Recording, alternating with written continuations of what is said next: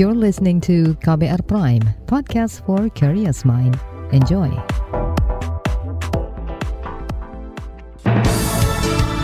Selamat pagi saudara, senang sekali bisa menjumpai Anda kembali melalui program Buletin Pagi edisi Senin 23 Mei 2022. Saya Malika. Sejumlah informasi pilihan telah kami siapkan, di antaranya ekspor CPO kembali berlaku, harga minyak goreng di pasaran masih tinggi. ICW sebut vonis rendah koruptor masih marak. Satgas COVID-19 Banyuwangi perketat penggunaan masker di keramaian. Inilah Buletin Pagi selengkapnya. Terbaru di Buletin Pagi. Saudara, hari ini Presiden Joko Widodo resmi membuka kembali ekspor minyak sawit mentah CPO dan produk turunannya. Jokowi mengungkapkan langkah ini diambil pemerintah setelah memperhatikan kondisi pasokan dan harga minyak goreng, serta mempertimbangkan tenaga kerja dan petani di industri sawit. Sementara itu harga minyak goreng di pasaran terpantau masih tinggi, Catatan Ikatan Pedagang Pasar Indonesia IKAPI, harga minyak goreng masih di atas Rp17.000 untuk minyak goreng curah dan berkisar Rp23 hingga Rp25.000 untuk minyak goreng kemasan. Menurut Sekretariat Jenderal DPP IKAPI Reynaldi Sariowan, harga masih belum kembali normal meskipun stok minyak goreng melimpah di pasaran. Kami hanya e, berharap minyak goreng 14.000 per 1 liter itu ada di pasar. Dengan cara apa? Dengan cara pendistribusian yang secara merata dan meluas. Jadi nggak hanya di daerah-daerah perkotaan besar saja. Tentu kita berharap uh, hari ini kan minyak goreng curah aja masih di atas 17.000 bahkan ada yang 19.000. Maka varia uh, variabel-variabel ini harus uh, segera diselesaikan sehingga harapan dan cita-cita pemerintah tentu terrealisasi. Sekjen DPP IKP Renaldi Saryowan meminta pemerintah segera mengambil kebijakan yang efektif agar harga minyak goreng kembali normal. IKP khawatir harga migor akan kembali naik dan mengerek harga pangan lain menjelang Idul Adha. IKP juga mendorong pemerintah memperbaiki distribusi agar minyak goreng dengan harga Rp14.000 per liter dapat disalurkan merata. Berdasarkan survei dari Lembaga Survei Indonesia LSI, tercatat 72 persen masyarakat sulit mendapatkan minyak goreng, terutama dengan harga normal. Dari survei yang dilakukan pada 10 hingga 14 Mei lalu, 64 persen masyarakat setuju dan 22 persen sangat setuju terhadap kebijakan pemerintah melarang ekspor CPO. Masih tingginya harga minyak goreng juga diakui Presiden Jokowi saat berkunjung ke Pasar Muntilan, Jawa Tengah akhir pekan lalu. Kepala negara masih menemukan harga minyak goreng curah yang bervariasi antara Rp14.500 hingga Rp16.000 per liter. 15 ribu, 14 ribu 500, kalau liter? Liter 14 setengah. 14 ribu 500. Jadi satu liter harganya di sini sudah 14 ribu 500. Tapi di sini enggak literan loh Pak. Iya, kiloan, kiloan, kiloan, kiloan. Ini kalau literan 16 ribu. Memang beda-beda. Dalam kesempatan itu, Presiden Jokowi berjanji kepada pedagang akan menurunkan harga minyak goreng dalam 1-2 pekan ke depan. Dia juga menyebut stok minyak goreng bertambah usai memperlakukan larangan ekspor CPO dari 64 ribu ton lebih menjadi 211 ribu ton per Mei lalu. Presiden juga mengklaim sebelum larangan ekspor, harga rata-rata nasional minyak goreng curah mencapai Rp19.800, kemudian berangsur turun menjadi Rp17.200 hingga Rp17.600 per liter. Senada dengan Presiden, Menteri Perdagangan Muhammad Lutfi juga mengklaim harga minyak goreng curah berangsur turun dari waktu ke waktu.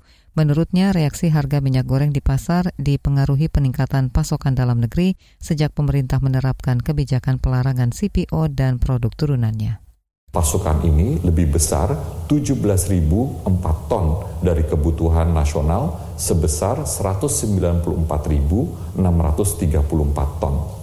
Demikian pula menurut pantauan kami di lapangan, harga minyak goreng curah berangsur turun menuju harga keterjangkauan seiring dengan pasokan minyak goreng yang semakin berlimpah.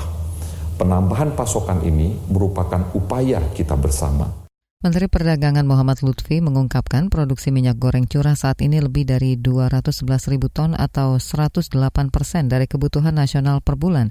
Sementara rata-rata konsumsi minyak goreng per bulan lebih dari 190 ribu ton. Kemendak, kata dia, juga meluncurkan program minyak goreng rakyat bekerja sama dengan Kementerian BUMN dengan memanfaatkan platform digital dan menunjukkan KTP saat membeli. Sementara komisi yang membidangi perdagangan DPR akan memanggil Menteri Perdagangan Muhammad Lutfi untuk membahas persoalan minyak goreng selasa besok. Anggota komisi yang membidangi perdagangan DPR Andre Rosiade menyebut DPR akan meminta penjelasan Mendak terkait realisasi upaya pemerintah menjamin harga eceran tertinggi minyak goreng Rp14.000 per liter di pasaran akan kita kejar, kita kuliti, dan kita tanyakan apa solusi pemerintah yang nyata untuk memastikan pertama 14.000 HET ini benar-benar terwujud. Yang kedua, kita juga mendorong di Undang-Undang Nomor 7 Tahun 2014, Undang-Undang Perdagangan itu kan ada pasal 29, 106 dan 107, di mana Kementerian Perdagangan punya penyidik PPNS. Seharusnya itu diberdayakan untuk juga mengejar para mafia. Andre Rosiade juga meminta pengawasan yang jelas dan jaminan agar minyak goreng rakyat seharga Rp14.000 terdistribusi merata. Sementara pengamat ekonomi menilai dicabutnya larangan ekspor CPO dan turunannya itu belum memenuhi tujuan dari larangan ekspor yang disampaikan Presiden Jokowi, yaitu hingga kebutuhan dalam negeri terpenuhi dan harga terjangkau masyarakat. Menurut Direktur Riset Lembaga Pemantau Ekonomi KOR, Peter Abdullah, penurunan harga saat ini masih belum terjangkau masyarakat miskin. Dicabutnya larangan ekspor, kata dia justru menurunkan produksi minyak goreng dalam negeri. Pemerintah tidak hanya dengan memberikan kebijakan, pemerintah juga harus menguasai produksinya, harus menguasai distribusinya. Pemerintah tidak bisa hanya sekedar menetapkan subsidi tetapi tidak menguasai distribusinya. Ya. Oleh karena itu, kebijakan melibatkan bulog menurut saya adalah langkah yang tepat. Ya. Kalau enggak ya akan muncul apa? Akan besar sekali potensi penyelewengan, penyelundupan, penimbunan, dan sebagainya.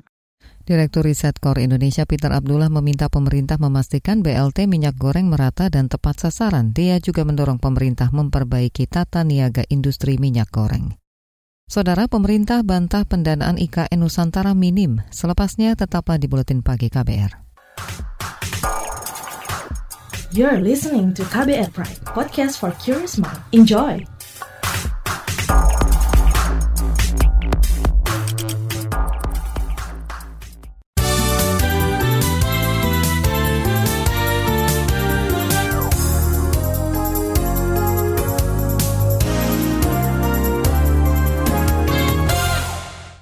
Pemerintah membantah pendanaan untuk pembangunan ibu kota negara IKN Nusantara di Kalimantan Timur minim. Menteri Koordinator Bidang Maritim dan Investasi Luhut Binsar Panjaitan mengklaim Uni Emirat Arab menjadi salah satu investor yang tertarik membangun IKN Nusantara. Nah, berbagai komitmen dari luar negeri uh, mengenai uh, pembangunan IKN ini karena saya terlibat juga dalam.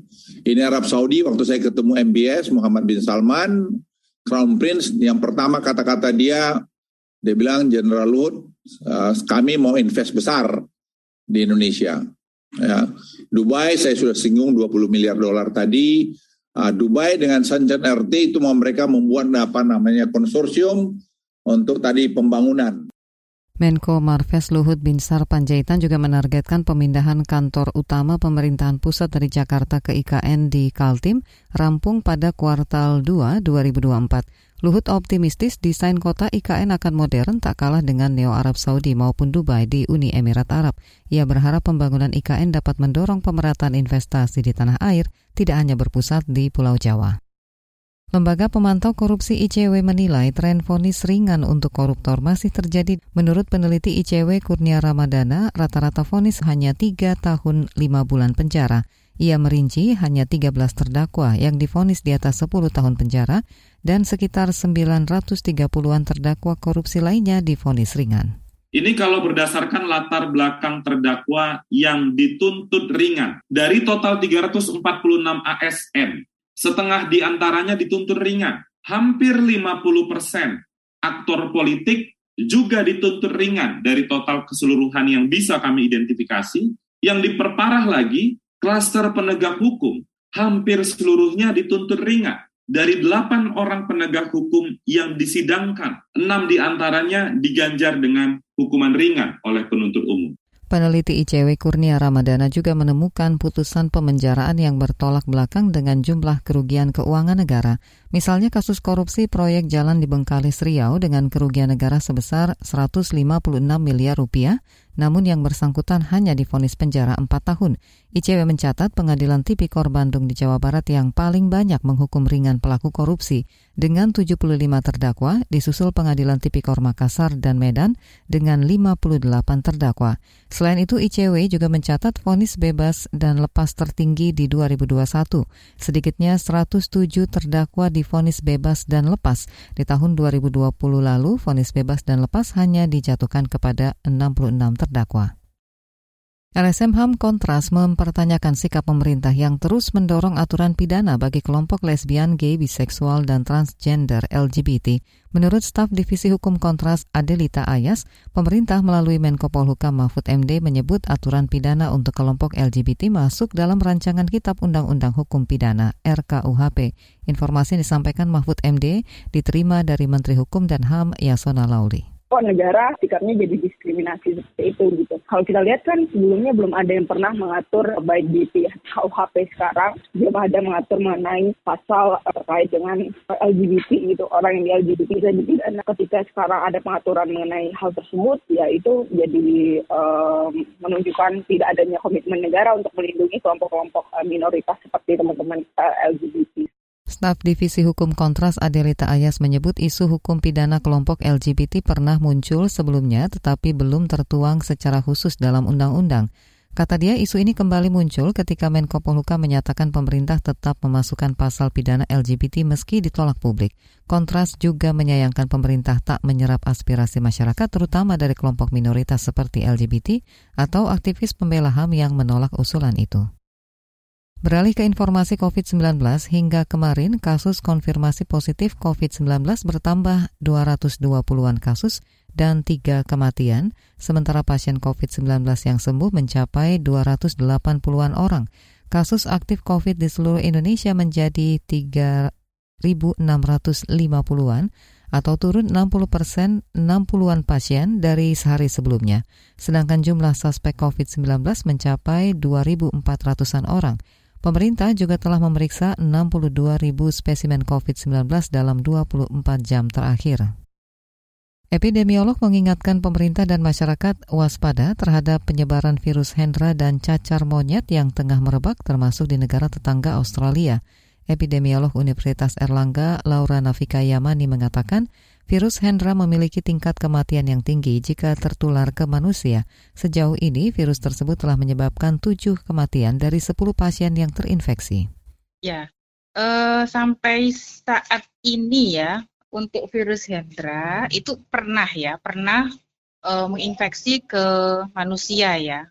Jadi uh, tingkat kematian ya, atau angka kematian uh, manusia yang kemudian terinfeksi maupun hewan ya yang terinfeksi dengan virus Hendra ini cukup tinggi ya. Jadi uh, case fatality rate-nya itu di atas 50%. Epidemiolog Universitas Erlangga Laura Navika Yamani menambahkan virus Hendra dapat menimbulkan gejala yang mirip seperti flu, yakni demam hingga sakit tenggorokan dan dapat menyebabkan peradangan pada otak atau meningitis yang dapat memicu kematian. Laura mendorong pemerintah meningkatkan kapasitas pemeriksaan dan mengidentifikasi gejala terkait virus itu di manusia dan hewan, meski hingga saat ini belum ditemukan dua kasus virus itu di Indonesia. Kita ke informasi ekonomi, Bank Indonesia mengklaim layanan pembayaran transaksi berbasis Quick Response Indonesia Standar QRIS aman dalam setiap transaksi yang dilakukan konsumen, UMKM hingga retail. Menurut Direktur Departemen Pengembangan UMKM dan Perlindungan Konsumen BI, Riki Satria, BI telah melakukan kajian sebelum meluncurkan program atau layanan keuangan berbasis digital. Contohnya produk Kris dan BI Fast itu memang hasil kolaborasi dengan industri. Sebelum kita implementasikan, kita lakukan pilot dulu. Nah, pilot itu kita lakukan untuk melihat ada isu nggak di sisi customer, ada isu nggak di sisi merchant, ada isu nggak di sisi telekomunikasi. Ini kita lakukan semacam semacam uh, rumah tunggu. Jadi berapa input dari pilot itu kita sempurnakan lagi, kemudian baru kita implementasikan. Nah, implementasi nanti kita kembangkan lagi fitur-fiturnya agar uh, masyarakat lebih nyaman. Direktur Departemen Pengembangan UMKM dan Perlindungan Konsumen BI, Riki Satria, menjelaskan kajian dan langkah uji coba produk menjadi langkah BI memberi perlindungan kepada konsumen menjalankan transaksi digital. BI kata dia akan terus mendorong masyarakat bertransaksi digital, salah satunya dengan memberikan sosialisasi agar konsumen terbiasa dan memanfaatkan perkembangan digital. Kris merupakan salah satu layanan keuangan berbasis digital guna mendukung strategi pengembangan sistem pembayaran 2025 yang diinisiasi Bank Indonesia. Kita ke berita mancanegara, pemerintah Thailand akan melegalkan pemilikan, penanaman, dan pengolahan ganja pada 9 Juni mendatang. Pemerintah Thailand juga berencana membagikan satu juta pohon ganja ke rumah penduduk – Pemerintah berharap keputusan itu menjadikan Thailand salah satu pemain bisnis ganja baru dan menargetkan ganja sebagai cara menarik wisatawan. Namun Menteri Kesehatan Masyarakat Thailand, Witit Sarit Dechaikol mengatakan penanaman penanam ganja dan ram harus mendaftarkan diri lewat aplikasi Plukkan yang didirikan Badan Pangan dan Obat-obatan atau FDA setempat. Dikutip dari Bangkok Post, Menkes Thailand menyebut penanaman ganja dan rami untuk komersial harus tetap mendapat izin dari otoritas setempat. Kita ke berita olahraga, Indonesia kokoh di peringkat ketiga klasemen medali SEA Games 2021 Vietnam. Berdasarkan data hingga tadi malam, total perolehan medali tim Merah Putih sebanyak 241 keping, terdiri dari 69 emas, 92 perak, dan 80 perunggu. Indonesia berada di bawah tuan rumah Vietnam dan Thailand. Vietnam memuncaki klasemen dengan mengoleksi 443 medali dari jumlah 206 emas, 124 perak, dan 113 perunggu. Sementara Thailand yang menempati peringkat kedua meraih 92 emas, 101 perak, dan 135 perunggu. Indonesia menambah 10 emas melalui cabang olahraga menembak, angkat besi, bulu tangkis, voli indoor, bola basket, tinju, fin swimming, dan e-sport. Salah satu cabur yaitu basket bahkan berhasil mengukir sejarah dengan meraih medali emas pertama sejak berpartisipasi di SEA Games pada 1977. Di bagian berikutnya kami hadirkan saga KBR bertajuk Jejak Bagus Priyana Rawat Sejarah Magelang. Tetaplah di Buletin Pagi KBR. You're listening to KBR Pride, podcast for curious mind. Enjoy!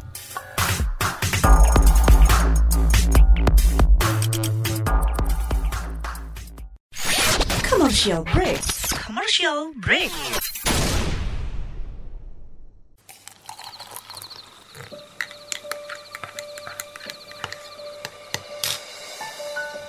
Hai, kamu apa kabar? Masih suka menikmati senja dan kopi? Aku masih ingat kebiasaan kita. Sehabis pulang kerja, selalu mencari tempat untuk sekedar ngobrol dan ngopi. Tapi kadang kita kehabisan bahan obrolan.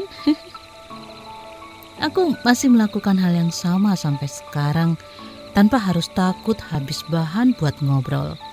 Karena aku selalu mendengarkan KBR sore dari Senin sampai Jumat jam 4 sore. Ah, aku rindu. KBR Inspiratif Terpercaya.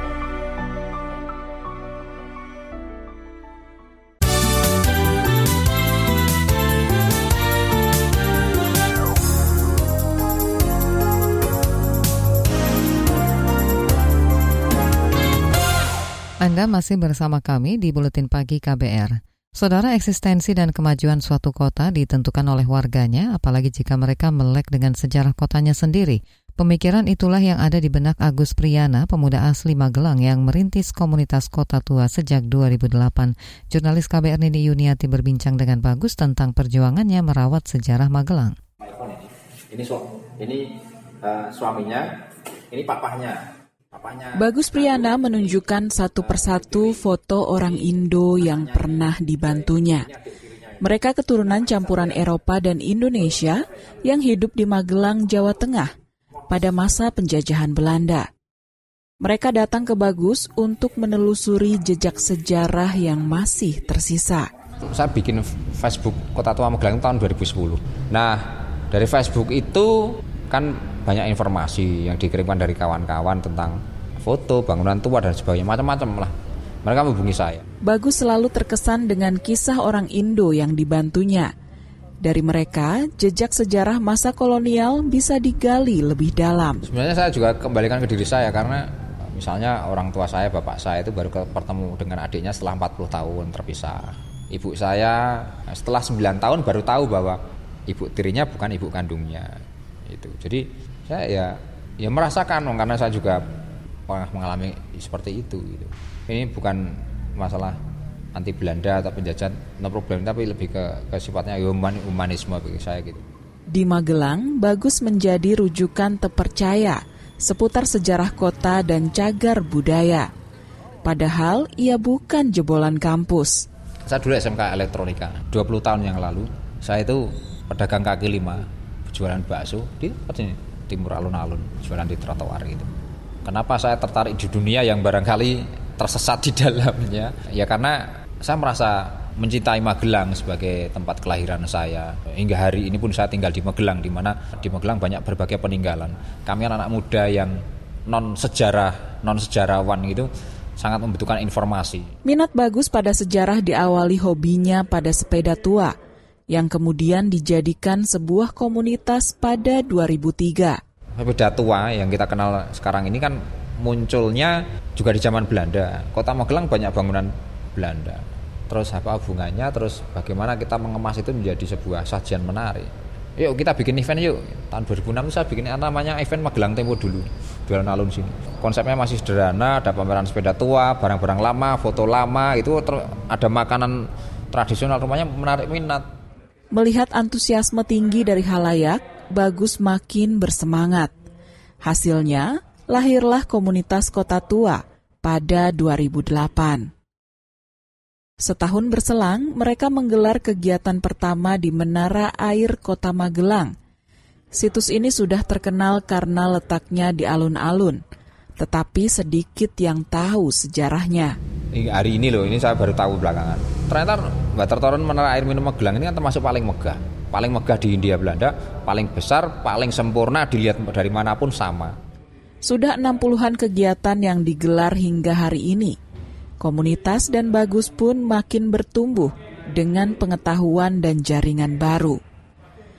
Mereka kini juga memainkan peran advokasi, salah satunya pelestarian cagar budaya. Pada 2012, Bagus berhasil mempertahankan dua bangunan peninggalan zaman Belanda di RSUD Tidar dari rencana pembongkaran. Kalau Profesor Eko Budiarjo dulu Rektor Undip mengatakan bahwa sebuah kota tidak memiliki bangunan tua ibarat manusia yang tidak memiliki ingatan. Nah, itu hampir sama sebenarnya. Ketika kita Magelang ini kehilangan bangunan tuanya seperti kehilangan memori, nggak punya jejak sejarahnya, nggak punya masa lalunya. Ketika kita mau melestarikan bangunan tua, bukan kita memarisi sebuah sifat kolonialisme, tidak, sama sekali tidak Justru kita akan belajar, belajar kepada sejarah gitu. Sejarah masa lalu seperti apa? Pengabdian bagus merawat sejarah kota mendapat apresiasi dari Teddy Harnawan, penulis buku Orang-orang Indo di Kota Magelang pada akhir masa kolonial. Sosok bagus bisa mendekatkan warga dengan sejarah kotanya. Uh, dia itu menggali sumber-sumber sejarah untuk mengangkat kembali atau untuk menginformasikan kepada generasi-generasi muda untuk lebih mengetahui tentang sejarah Magelang secara spesifik gitu. Lulusan pasca sarjana sejarah UGM ini menuturkan, Bagus bersama komunitas Kota Tua merupakan representasi suara akar rumput untuk menjaga warisan budaya. Mereka sehari-hari hidup di situ. Mereka tahu dan bahkan mereka hidup dengan heritage itu dari kecil sampai sekarang gitu. Jadi mereka dekat banget dengan sejarah dan juga heritage itu sendiri gitu. Jadi kalau ada sedikit saja berubah kota, itu tuh mereka sangat sensitif gitu loh semua, semua proyek dari pemerintah itu gitu. Demikian Saga KBR, saya Astri Yuwanasari. You're listening to KBR Pride, podcast for curious mind. Enjoy!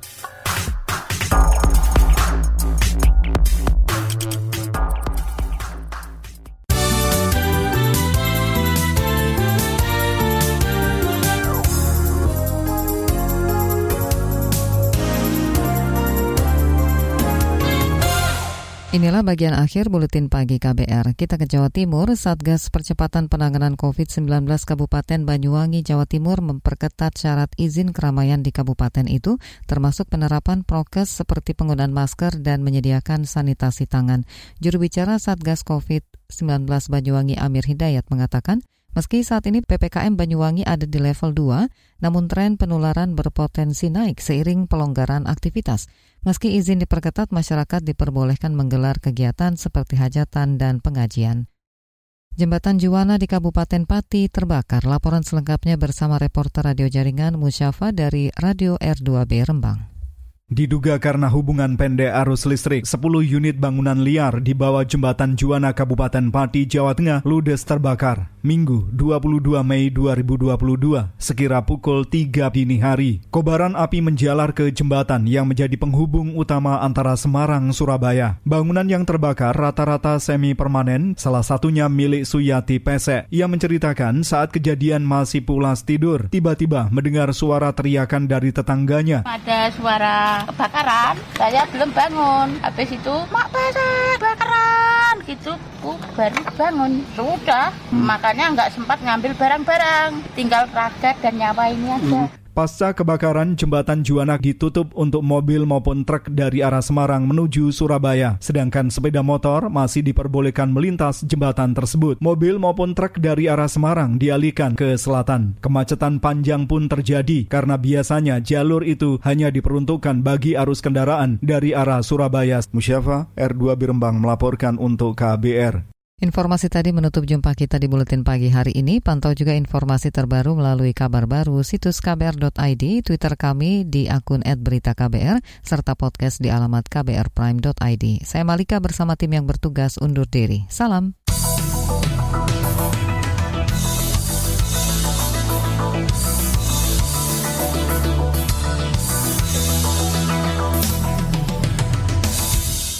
KBR Prime, cara asik mendengar berita. KBR Prime, podcast for curious mind.